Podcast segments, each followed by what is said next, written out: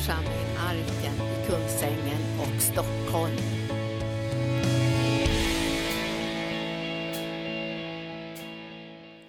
Tack Jesus. Idag ska jag lyfta fram tre bibelställen. Det är från Matteus evangelium.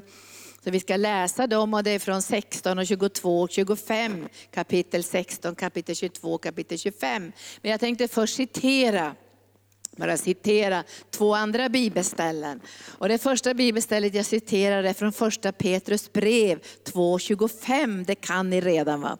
Vi gick alla vilse så som får, men nu har vi vänt om till våra själars herde och vårdare. Vi gick alla vilse. Och man märker ju idag när man läser på olika sajter och så här, vilken förvirring det finns i människors identitet och självbild.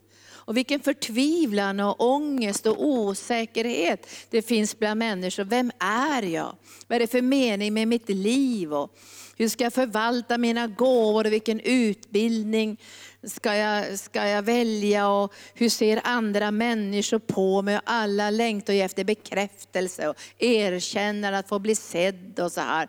Och man söker identitet och vill ha en självbild, en bra självbild, både så man ser sig själv på ett bra sätt, så man kan se andra på ett bra sätt. Och man, när man talar om existentiell hälsa så talar man att alla människor måste, behöver vara med i ett större sammanhang för att känna att det finns mening i livet. Och jag gick och tänkte på det här över helgen, det här med identitet och självbild. Och jag tänkte vad viktigt det är att man har rätt bruksanvisning. Och det fick vi lite inspiration här i morse av, av, av Torbjörn när han sa Guds ord är instruktionsboken, bruksanvisningen. Alltså vi, vi har Guds ord och vi, vi låter oss vägledas av Guds ord. Vi låter oss förvandlas av Guds ord. Och vi söker hela tiden, hur ska Guds ord tillämpas i mitt liv? På område efter område. Och den heliga Ande hjälper mig att bygga mitt liv utifrån Guds ord. Med Jesus som centrum. För han är ju grundstenen, riktstenen men också slutstenen. Alltså avslutet på ditt och mitt liv. När vi en dag ska göra räkenskap med väldigt stor glädje. För vi ska inte inför domstolen. För vi har tagit emot Jesus som vår frälsare, utan vi ska komma till belöningsplatsen. Där vi ska få belöning, erkännande, där vi ska se den stora bilden, där vi ska få den här kronan på våra huvuden och gå in i den eviga glädjen tillsammans med Jesus. Och när Gud skapade den första människan, när man ska förstå det här med identitet och självbild, så måste man förstå hur Gud hade tänkt i begynnelsen. Och då skapade han ju Adam och Eva till sin avbild. Alltså han skapade dem till att vara lik honom. Alltså det fanns någonting i själva skapelsens grundtanke, att vi inte skulle leva utan gemenskap med Gud. Det är inte undra på att människor är förvirrade och främlingar för sig själva. Och, och när man läser in liksom problem som människor har också som möter läkare inom psykiatrin, så talar de ofta om så här, jag lever, det känns så overkligt allting. Det känns som att jag är separerad från alla andra människor. Jag lever som i en, en bubbla av o, säga, av, jag vet inte vem jag är, alltså jag är förvirrad, främling till och med för mig själv. Men när Gud skapade människan så skapar han ju människan i gemenskap med sig själv. Alltså vi är Guds avbild. Vi ska återspegla honom. Och vi, vi, det är inte tänkt att vi ska leva som främlingar för oss själva eller främlingar för Gud. Vi är skapade att leva i en kärleksrelation med Gud. Och därför så måste vi få bort det här främlingskapet. Och jag tror främlingskapet försvinner när vi förstår hur vi ska leva. Och då måste vi gå till bruksanvisningen. Är ni bra med bruksanvisningar? Jag är inte så telefon, jag kan säkert använda 10% av min telefon. Eller kanske 5 procent av allt som finns på, eh, eh, ska säga, på Instagram och, och Facebook, alla möjligheter. För jag har inte läst bruksanvisningarna. Jag, kan knappt, jag får fråga andra hur jag ska använda datan. Och sen kommer så tjocka luntor när man ska läsa igenom allting. Och tänka, hur ska jag orka med den här bruksanvisningen? Men det finns en bruksanvisning som jag läser igenom, det ska ni veta, det är den här. Den lever jag i dag efter dag. Jag, jag ber inre böner, jag ber kom heliga ande och visa mig, tala till mig. För jag måste ju tänka så här att när, när jag får ledning från Gud så får det inte ligga på ett privat plan. Det måste ju ligga på församlingens plan, det som vi gör kollektivt. Och det här går att förena förstår ni. Det här går att förena. Därför vi är skapade till det individuella och det kollektiva. Och därför säger ju Paulus här, du som är så ivrig att söka nådegåvorna, ja men sök dem då så församlingen blir uppbyggd.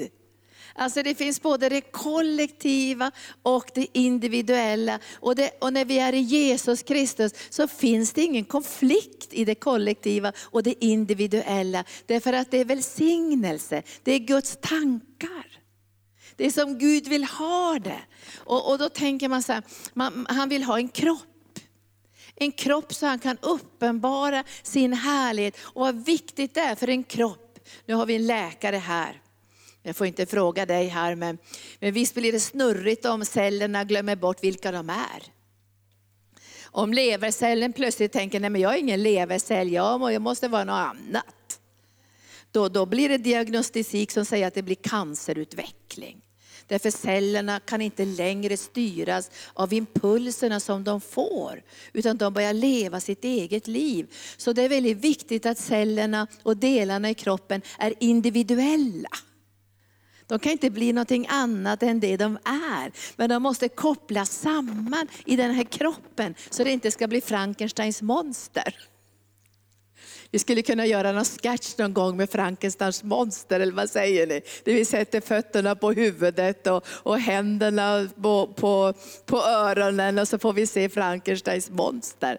Men ibland tänker man att Jesus måste på något sätt känna sig lite förtvivlad.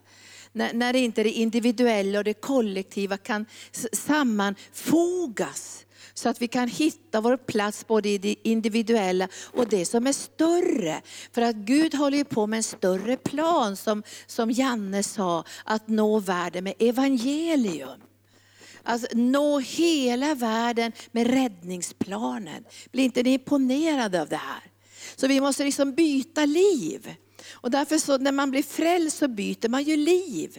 Det, det första som står, nu citerar jag bara, nu tog jag de här två ställen som jag ska citera då. Romarbrevet 10 och, och 9 så står det så här, att hur blir man frälst? Ja, det är två saker som behöver ske när man blir frälst. Alltså man, man bekänner med sin mun att Jesus är Herren. Herren. Det betyder att nu är det hans vilja som ska ske. Det är inte när jag får lust, säger Jesus herre. Utan jag bekänner med min mun att Jesus är Herren. Och sen tror jag med mitt hjärta att Jesus Kristus är uppstånden ifrån de döda. Alltså jag tror att jag ska få ett nytt liv. Inte försöka fixa det här nya livet. Alltså det går inte att fixa det, försök om ni, om ni det går inte. Alltså jag har lämnat det gamla livet och nu ska jag försöka fixa ett nytt liv. Utan det nya livet får vi av Gud som en gåva. Men då måste vi säga att nu är det inte min vilja som ska ske längre, nu är det din vilja som ska ske. Och då måste man ju veta någonting om Guds vilja. Och det hörde vi också här i inledningen, att när Gud talar är det välsignelse. Det, det, är inte bara bruna strumpor och ska ta bort allt roligt ifrån och så blir det bara tristess och kontroll och jag ska förlora mina pengar och jag får aldrig mera semester. Alltså då har man inte förstått vem Gud är. Du, har ju, du, har, du kan ju din bibel. Guds vilja är god, välbehaglig och fullkomlig. Och det här kan man se i Jesus Kristus, att han har en väldigt djupt förankrad identitet i relationen med Fadern. Alltså det första Jesus hör är ju, du är min älskade son. I dig har jag min glädje. Tänk att få höra det. Som ett litet barn, det behöver alla barn få höra. Det är därför vi önskar att vi ska ha pedagoger på, på vår förskola och lärare på vår skola som har tid med barnen.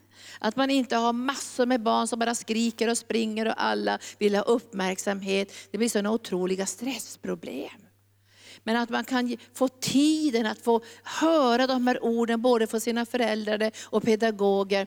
Att, att jag har min glädje i dig, jag har sett dig. Du är den älskade sonen.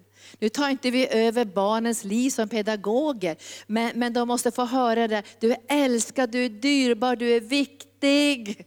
Visst är det så? Jesus hörde det och han visste det. Och därför kunde han ju säga hela tiden så här, jag söker inte min vilja, jag söker hans vilja som har sänt mig. Och han bara talar om hur underbart det är att göra Guds vilja. Alltså han måste ju ha läst bruksanvisningen. Ibland undrar jag vad vi läser för bruksanvisning. Där det blir så mycket tristess. Och Jesus, när lärjungarna kommer tillbaka och Jesus har betjänat en kvinna vid brunnen, då ser ju han helt pigg ut. Han ser inte ut som han har sålt smör och tappat pengarna. Utan när de tittar på Jesus så säger han, vem har gett dig att äta? Det såg ut som han hade piggnat till. De lämnade honom trött och när de kom tillbaka med maten så är de nästan besvikna och säger, vem har gett dig att äta? Men vad svarar Jesus då? Jag har mat som inte ni känner. Och så säger han, min mat är att göra hans vilja som har sänt mig. Därför tror jag av hela mitt hjärta, skulle vi läsa bruksanvisningen, söka Guds ledning, söka Guds ord, söka Guds vilja, så skulle våra liv börja utvecklas. Tror ni det? Alltså jag tror det. Jag tror inte Gud är ute efter för att vinklippa oss och trycka ner oss och sätta in oss i en bur och begränsa oss. Och nu ska det bli tristess här. Och, åh, du är en levercell och akta dig nu för att du ska ta något utrymme här. Det är ju inte riktigt så. Utan vi tror Gud är god. Det här ska vi titta på idag. Gud är god och vi ska vara överens med hela vårt hjärta. Vi ska läsa bruksanvisningen. Jag vill inte ha en massa psykologiska rådgivningstekniker in i mitt liv. Jag vill veta vad säger Gud, vad säger Guds ord? Visst vill ni också det? Ni frågar hela tiden precis som jag. Vad säger Guds ord? För du vill inte ha en massa människotankar. Och då går vi till Matteus 16 och jag ska bara läsa lite grann där. Och då står det till exempel i versen 23. Då, då, har, ju, då har ju Petrus som har fått den här fantastiska profetorden att han ska vara en, en pelare eller en sten eller en viktig person i Guds församlingsbyggande. Men han har fortfarande mängder med människotankar. Alltså han har människotankar som styr hans sinne. Och han har sådana kraftfulla människotankar att han till och med ska tillrättavisa Jesus. Det är för väl att du och jag inte behöver tillrättavisa Jesus. Vi böjer oss under hans ord. Men, men nu kommer Jesus och säger han så här till Petrus, eller han säger inte till Petrus, han säger till de krafter som är verksamma bakom Petrus. Gå bort ifrån mig Satan. Du vill få mig på fall. För dina tankar är inte Guds tankar, utan människotankar. Alltså tankar som kommer ifrån människor. Och jag tror att några av de tankarna är att Gud inte är god, eller att Gud inte vill oss väl, att Gud ska ta ifrån oss saker, att Gud ska begränsa våra liv. Och jag vet inte vad jag fick, någonting av det där fick jag in i mitt liv när jag var ung, för man talar mycket om dö från dig själv och dö från dina önskningar, dö från allting skulle man dö ifrån. Men man sa inte att man skulle uppstå till ett nytt liv. Utan det blev bara betonat att man skulle dö ifrån det. Och, och då, det här tolk, jag var alldeles nyfrälst och då tolkar jag det så här att om Gud vill något i mitt liv ska det vara riktigt jobbigt. Han kommer att kalla mig till något som jag inte kan, någonting som jag absolut inte vill, något som jag inte har begåvning för, något som jag överhuvudtaget aldrig någonsin skulle välja. Någonting riktigt, riktigt jobbigt. Så jag tänkte jag ska bara vänta på det. Och tack och lov så svarade inte Gud på de bönerna. Så att jag gick på universitetet, jag hade en bit kvar på min utbildning och då såg jag på en anslagstavla att man sökte efter översättare till några konstiga språk i Afrikas djungel. Och då tänkte jag, det passar mig perfekt. Jag kan inte språk, jag skulle aldrig vilja åka till Afrikas djungel och det här skulle vara död och pina. Men ska man dö från sig själv så är det här bästa vägen. Och jag, jag tyckte så här att de där orden hoppade ut från anslagstavlan och det var som att Gud sa, ja det här blir en jobbig väg, lidandets väg. Åh, det här blir jobbigt, det måste vara Gud, Gud som tar. Så jag skrev ett brev till de här, de heter Wycliffe bibelöversättare. Heter det så, Wycliffe eller Wycliffe?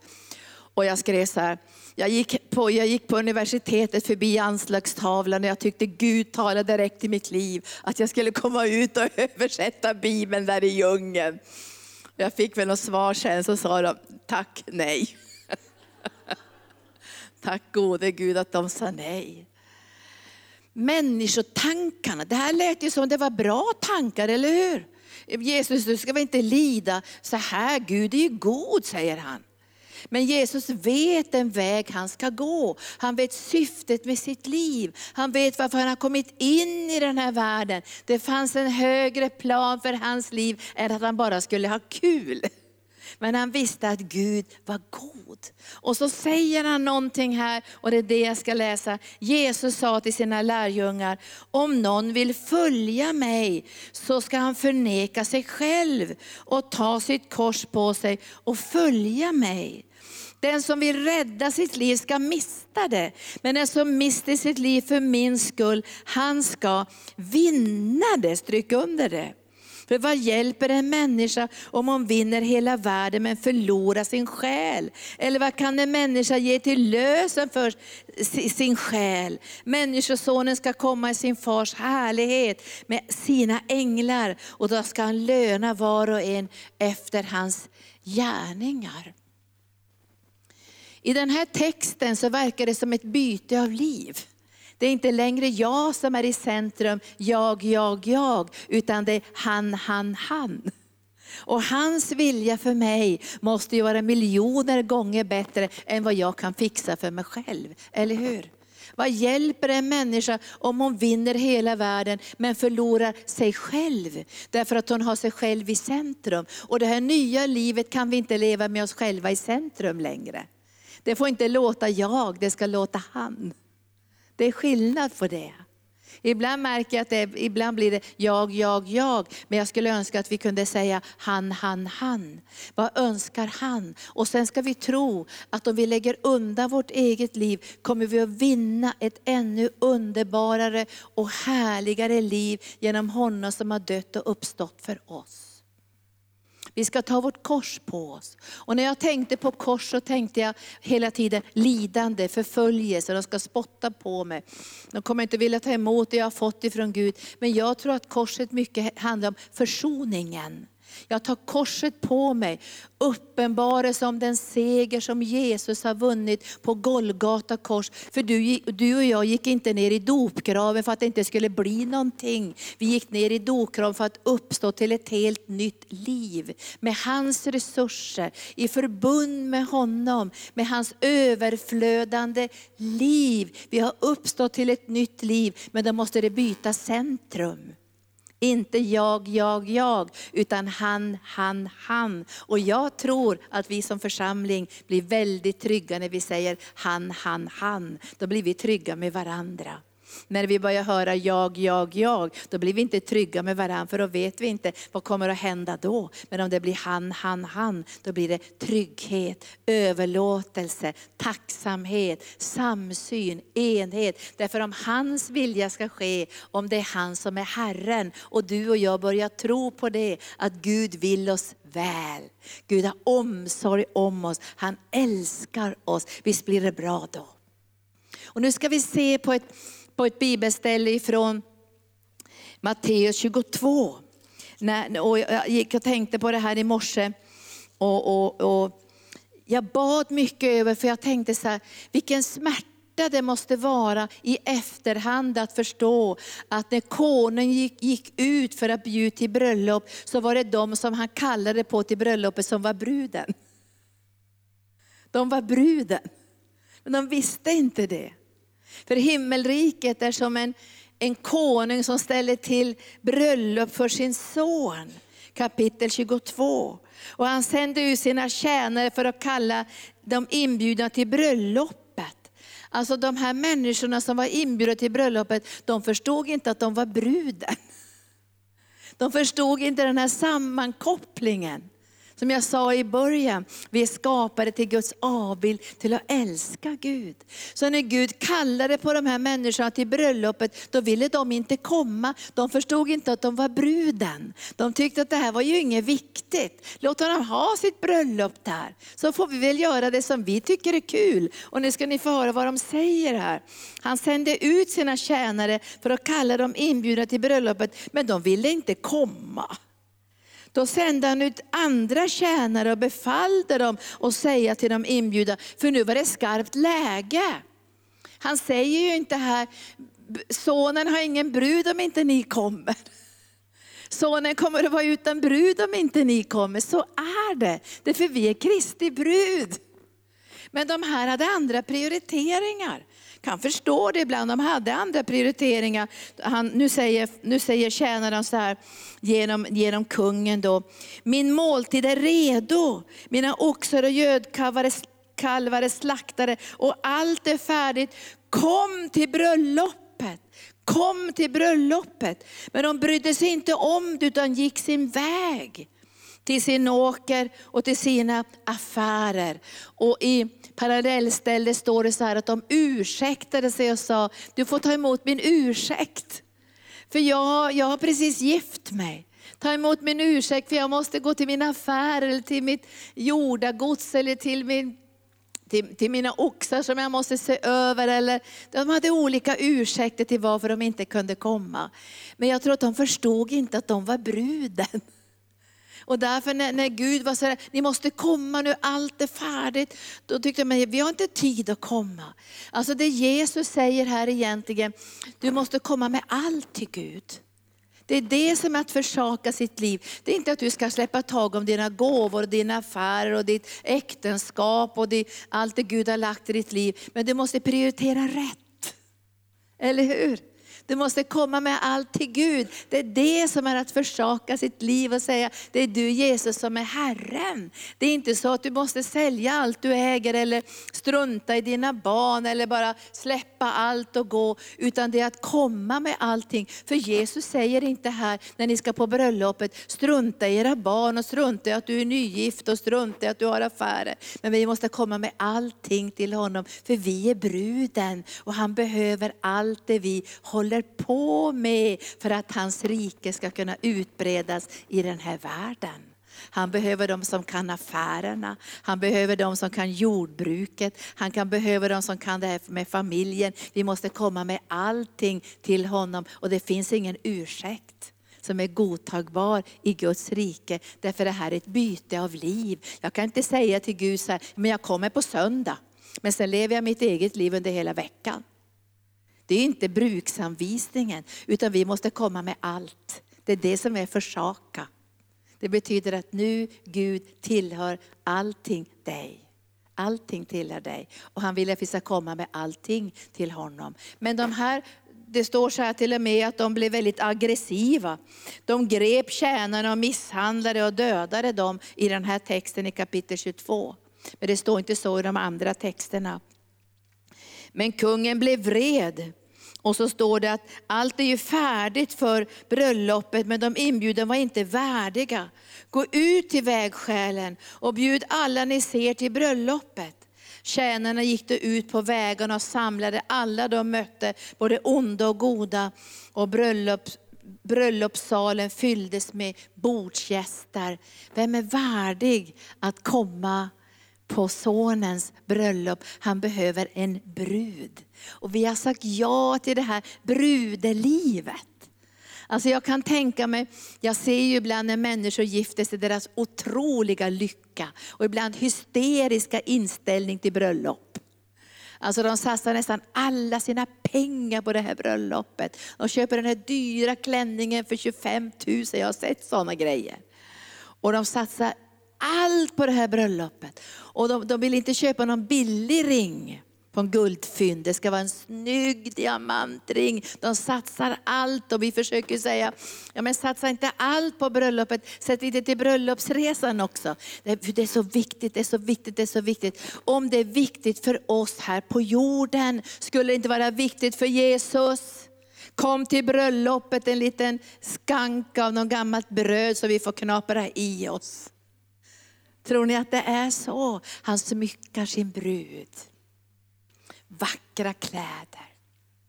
Han välsignar sin brud. Och det står till och med att nu rustar han sin brud på den yttersta tiden. Hon ska ha vackra kläder, ingen fläck och skrynka, för snart kommer brudgummen på himmelens skyar. Och Det här är viktigt, alltså jag vill säga det igen. När du och jag har gåvor och, och, och talenter och så här, då måste vi komma till Jesus med dem. För det är inte jag, jag, jag.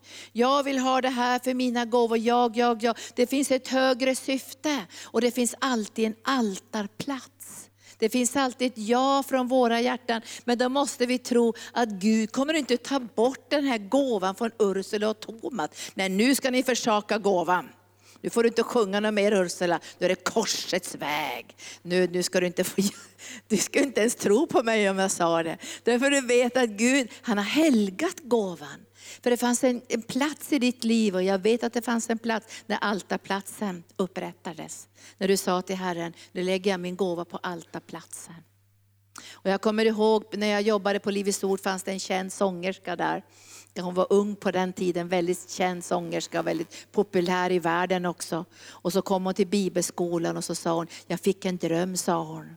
För jag hade en glittrig stor ring på mitt finger. Och så visade Gud mig en annan ring som var väldigt enkel. Och så frågade han, skulle du kunna välja den?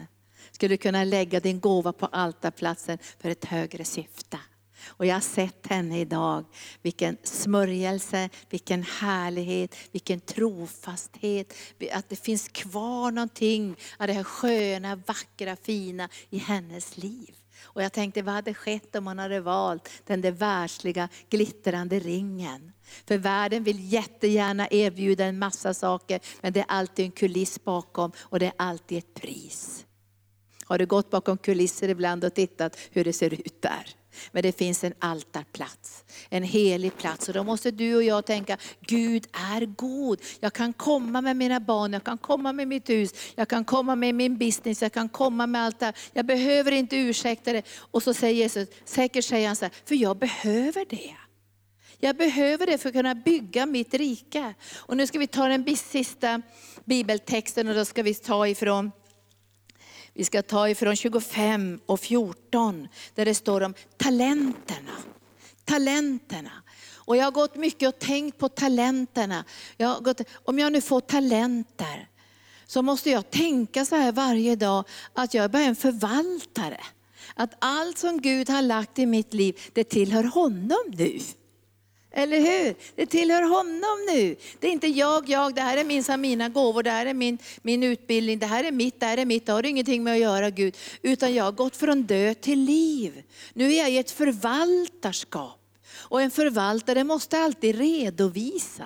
Men jag tänker inte ha någon fruktan att jag ska gå och darra där inför Guds tron. För jag tror att det finns en tron av belöning. Och Paulus säger, jag har blicken på lönen. Jag springer mitt lopp, jag har blicken på lönen. Och nu ska vi läsa om talenterna. Alltså den här felaktiga gudsbilden som gör att du och jag gräver ner våra talenter. Och jag tror att anledningen till att de här inte ville komma på bröllopet, det var de tänkte så här, men Jesus bryr sig inte om att jag är nygift. Han bryr sig inte om att jag har skaffat ett hus. Han bryr sig inte om mina fem oxar. Han tänker bara liksom ta ifrån mig allt som jag har. Sån är inte Gud. Men han behöver det som du har och det som han har lagt i dig för att kunna bygga sitt rike. Och börjar du och jag bara ta det här för oss själva, då kan inte vi bygga Guds rike. Vi kan inte ens bygga församling, vi kan inte nå ut över världen. Det blir bara begränsat och fattigt. Därför att kanske människorna som ska följa Jesus bygger sitt eget. Och det står ju det i Bibeln att, att Guds hus ligger öde och ni bygger bara på ett eget. Och varför gjorde de det? För de trodde inte Gud var god. Gud är god. Och de sjunger det i Bibeln och de proklamerar det i Salta salmerna Och så står det liknelsen om talenterna. Det ska bli, står det i 25 och 14, som när en man skulle resa utomlands. Han kallade till sig sina tjänare och anförtrodde dem sin förmögenhet. Visst är det starka ord? Sin förmögenhet, inte något gammalt skrot. Något som blev över, utan sin förmögenhet. Alltså det här tänker jag varje dag på att vi förvaltar Guds förmögenhet. Alltså vi förvaltar någonting tillsammans, där vi tillsammans en dag kommer att stå inför Guds tron och få kronorna på våra huvuden. Halleluja! Visst är det härligt? Alltså vi förvaltar Guds förmögenhet. Och Gud är förmögen, eller hur? Det är inte någon gammal skräp på någon bakgata, någon sop soptunna som vi förvaltar. Vi förvaltar Guds förmögenhet. Och så fördelar han det här, lyssna nu här. Han kallar till sig sina tjänare och anförtrodde dem sin förmögenhet. Han gav dem fem talenter, en annan två, han gav fem till en, två och tre. Och den tredje fick en talent. Lyssna nu, var och en efter hans förmåga att kunna förvalta. Så det är faktiskt så att alla får inte samma ansvar att förvalta. Därför finns det också olika nivåer av ledarskap. Därför att det är inte alla som får förvalta lika mycket och tacka Gud för det. En del idag får ju förvalta ett helt land. Alltså de är ledare för länder. Alltså ett förvaltarskap. Och, det, och vi, vi förvaltar, så vi äger det inte. Så ingenting som vi har idag äger vi. Vi äger ju inte ens oss själva. Vi är köpta och betalning är given, står det. Det består så här, vi äger inte oss själva, vi är köpta och betalningen given. Och jag tror det var viktigt där för oss som församling att fråga, vad vill han? Hur ser han på det här? Hur kan jag välsigna med mitt liv, det som vi har fått tillsammans att förvalta? Och då får jag inte tänka så jag har bara fått två pund. Jag är avundsjuk på de som har fått fem pund. Eller det kanske har fått ännu fler pund. Men Gud tittar också på vad har du för kraft och för förmåga att förvalta det här. Och då får man inte tänka att Gud inte är snäll eller han tycker inte om mig för att man inte får jättemycket att förvalta på en gång. Tacka Gud istället att du får växa, utveckla och mogna. Därför när man får för mycket att förvalta så kan man bara gå sönder. Man klarar inte av det, man kan inte bära det, för man har ännu inte vuxit upp. Så, så jag tycker inte man ska gapa efter positioner och man ska gapa efter inflytande. Man måste också få förmågan från Gud, så att man kan förvalta och bevara och beskydda det som har ska jag säga, anförtrotts Guds församling. För det handlar inte om position, det handlar om tjänande. Det handlar om att lägga ner sitt liv för ett högre syfte. Och sen, nu ska vi läsa vad som händer här. Sen gick, reste han bort. Jag, jag har tänkt mycket, han reste bort. Och då, jag, gått och, jag gick och tänkte på det i morse, han reste bort. Men han är, han är ju här ändå fast han är borta, eller hur? Jesus är här. Men jag gick och tänkte på det, han ger oss rätt mycket frihet i det här. Vi behöver inte fråga varenda sekund. Alltså jag har ju levt också i en överandlighet när jag var ung, för jag mötte på mycket överandliga människor. Och då skulle man fråga Gud om allt, allt, allt, allt. Till att se, vi frågar allt liksom. Vilken buss ska jag ta idag? Fast man visste vilken buss man skulle ta, för man skulle till ett speciellt ställe. Måste ha ledning i alla, alla grejer. Man kunde sitta på restaurang och fråga, Gud säg ska jag ta kötträtt eller fiskrätt? Jag måste få ledning från dig. Alltså, man skulle fråga Gud i varenda, varenda detalj. Och jag kommer ihåg till sist sa Gud så här, du behöver inte fråga mig om de saker du redan vet, sluta. En bebis kanske måste fråga Gud. Men jag kan tänka mig om någon skulle bygga ett hus här. Och så går han till chefen varje dag och frågar, kan du hjälpa mig att hålla i hammaren? Men var det inte det du lärde dig på kursen för tio år sedan? Nej men jag måste ha det att hålla i hammaren annars vågar jag inte slå i spiken. Alltså Gud ger rätt mycket utrymme för oss, för han litar på oss. Nu fick du något bra här va? Det är inte det där överandliga, det är liksom det som är lite konstigt och lite knäppt liksom. Gud har förtroende för dig, för han vet om att du kommer att förvalta det här på rätt sätt. Och när du behöver veta någonting för nästa steg, då får du fråga honom. Men du behöver inte fråga varje dag liksom, hur du ska hålla i hammaren. Eller vilka kläder du ska köpa. Om du har levt som prostituerad och haft sådana kläder som prostituerade har. Det är klart du måste fråga Gud under den första tiden, hur ska jag klä mig som en kristen kvinna eller som en kristen man? Men du behöver inte fråga dig 25 år framåt. Får jag köpa de här kläderna nu? Alltså, Gud säger så här, köp vad du vill, jag har förtroende för dig. Att du inte är kvar i den gamla prostitution. Utan du kan ta kläder som passar din personlighet och, och det som är du. Gud har förtroende för dig. Och jag tror att i det här förvaltarskapet finns det också förtroende, tror ni inte det? Det finns förtroende. Och när de kom tillbaka så har de ju förvaltat det. De säger till, de säger till, till Jesus så här, den som hade fått fem talenter gick genast och gjorde affärer med dem och tjänade fem talenter till. Och den som hade fått två talenter tjänade på samma sätt två till. Men den som hade fått en enda talent gick bort och grävde ner den i jorden och gömde sin herres pengar. För han var livrädd för Gud. Tänk om jag gör fel.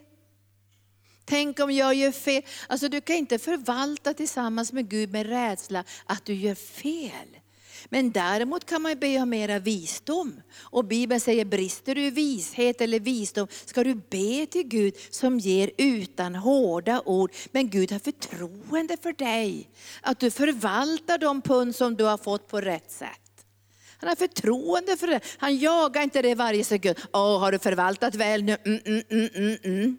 Utan han litar ju på att du bryr dig om, om Guds verk och bryr dig om församling och bryr dig om att förvalta dina gåvor. Han har förtroende för dig.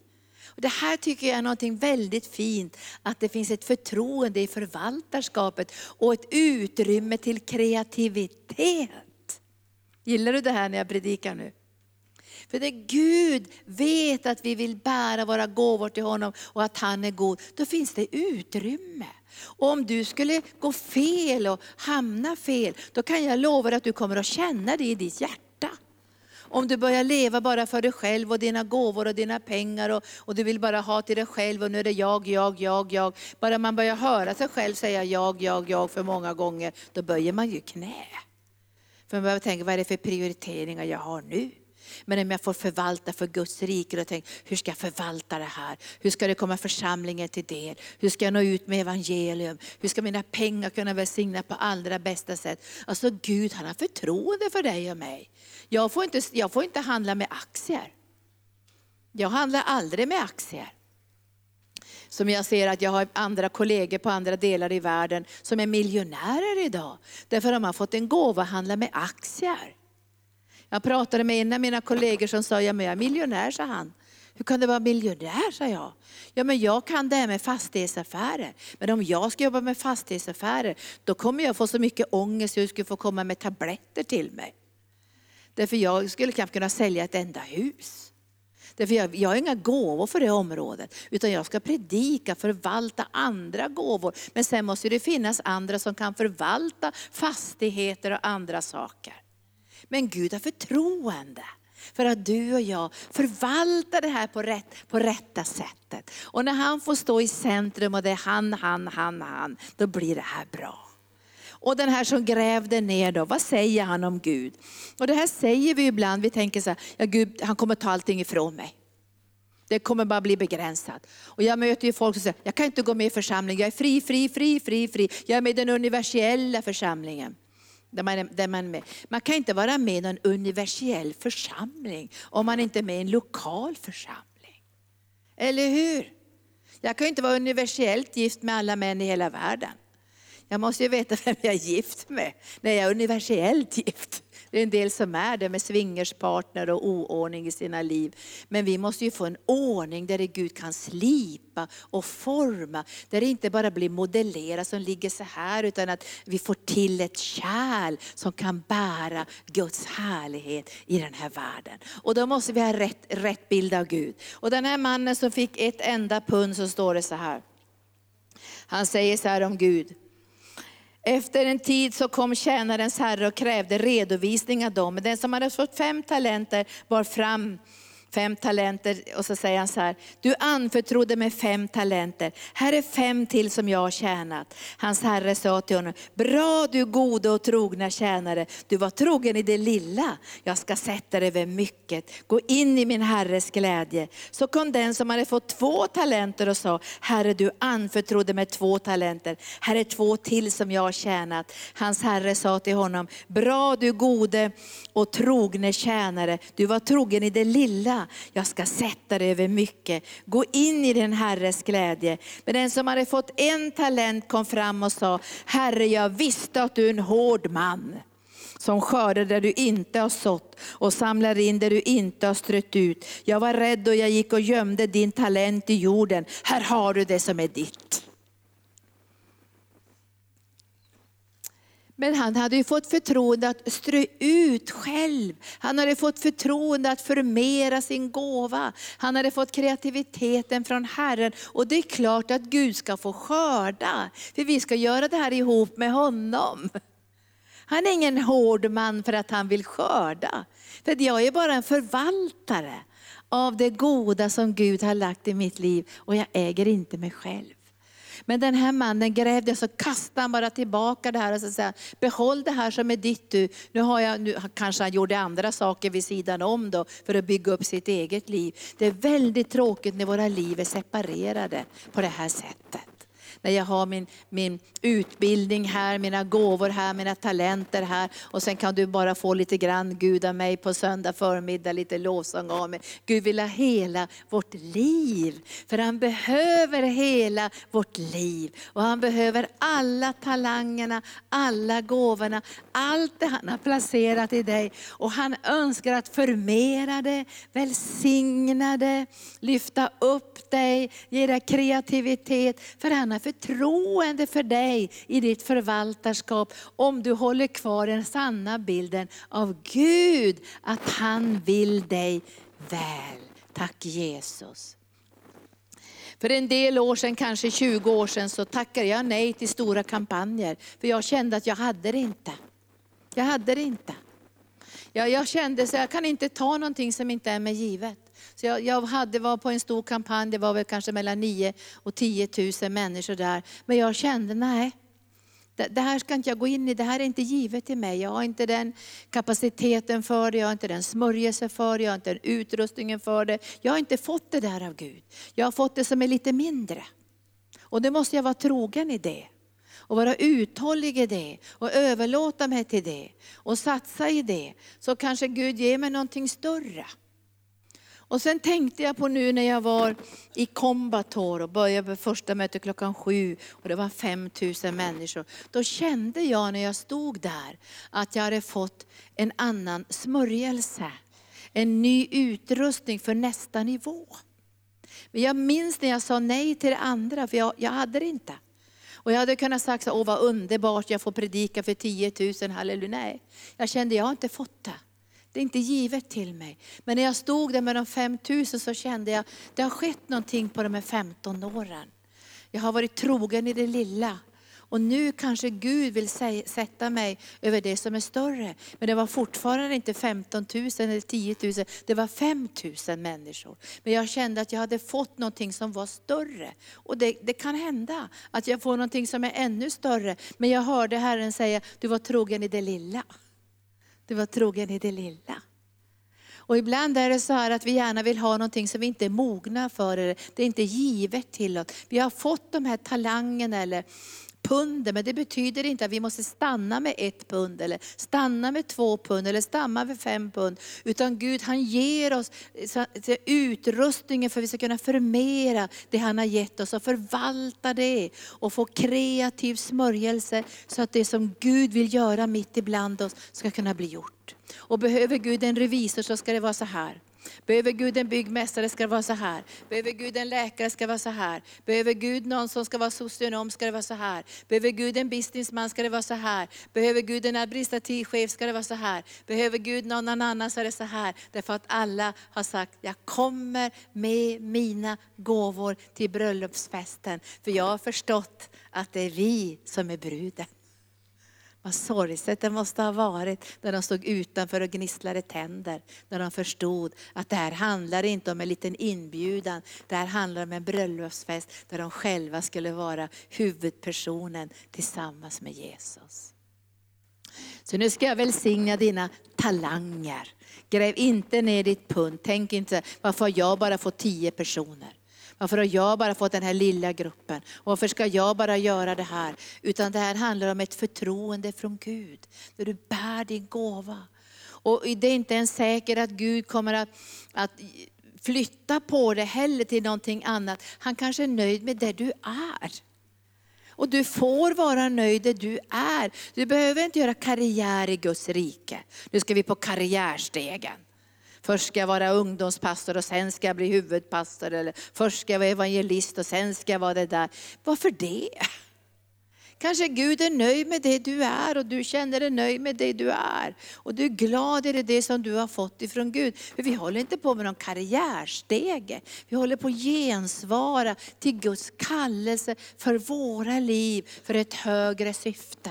Tänk om den som är i en stor orkester, nu får jag fråga Thomas här. Vad händer om den som har bara fått den här, vad heter det när man slår på de här jättestora trummorna? Bum, bum, vad heter det? Va? Timpare? Aldrig hört det där. Jag, jag, jag har inte hört det på sådär sätt, men jag har hört det på riktigt. Och jag kan tänka mig den som står och väntar där med den stora grejen där. Och, och han tänker, är det aldrig min tur, är det aldrig min tur? Och så får han liksom tecknet, men tänk om man gjorde babang hela tiden. Nej men jag ska babanga hela tiden. Jag vill höras babang, babang, han får, han får sparken. Och ibland är det så att vi väntar på vår tur. Vi ligger som en sån, har du hört det där Black Horse? Har ni hört Black Horse? Ja, min pappa spelar ju på hästar och så sa han alltid en black horse. Vi måste ha en black horse idag sa han. Alltså det är, in, det är, en, det är en häst som ingen har spelat på men som kommer att vinna. Som tar täten. Och vi skulle vilja vara någon sådär som vi bara väntar på Herren och så kommer din tid och så kommer min tid. Då är vi redo, då träder vi fram. För vi har varit trogen i det lilla. Och så när Herren säger, nu är det din tur, nu ska du fram, nu är det det här. Då får du din bobom där.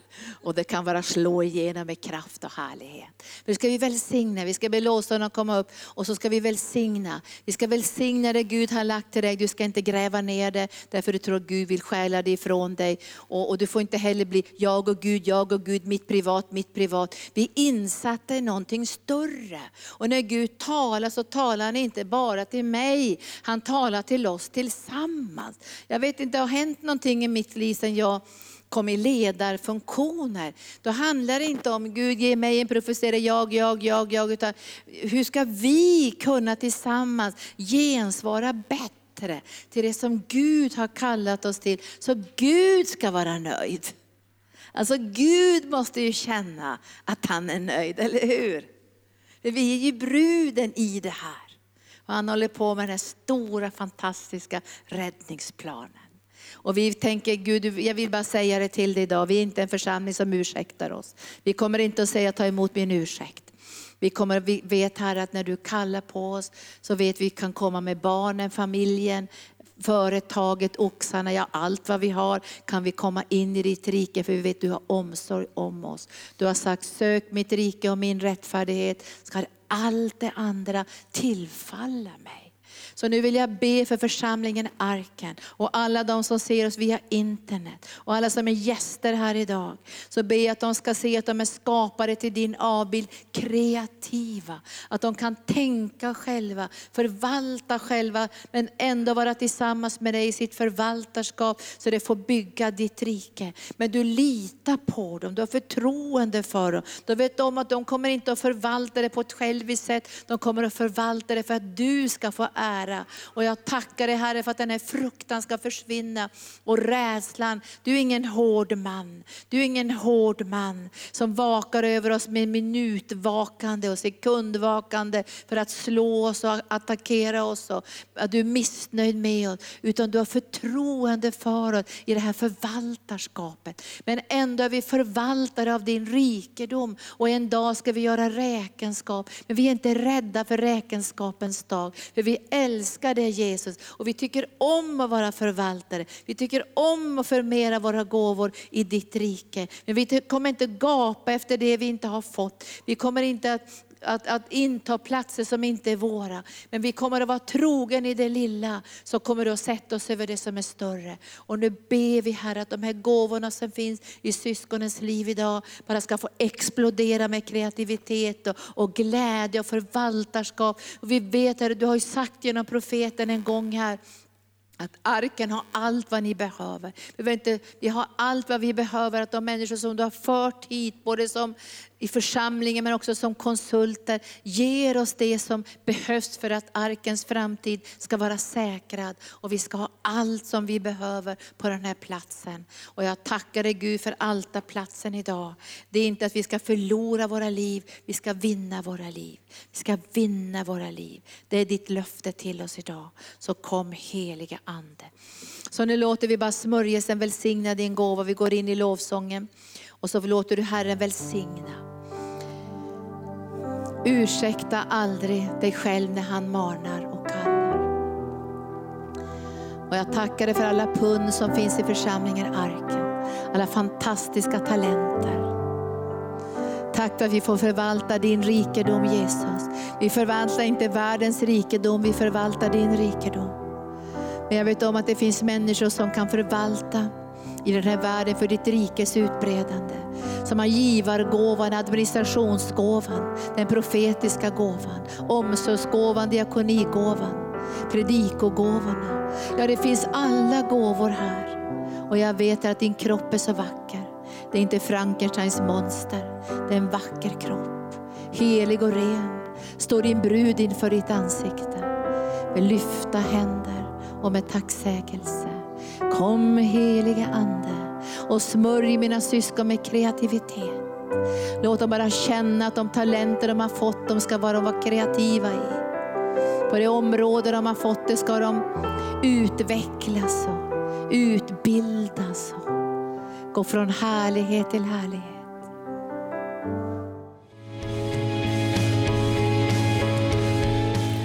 Tack för att du har lyssnat. Vill du få del av mer information om församlingen Arken, vår helande tjänst, bibelskola och övriga arbete, gå in på www.arken.org.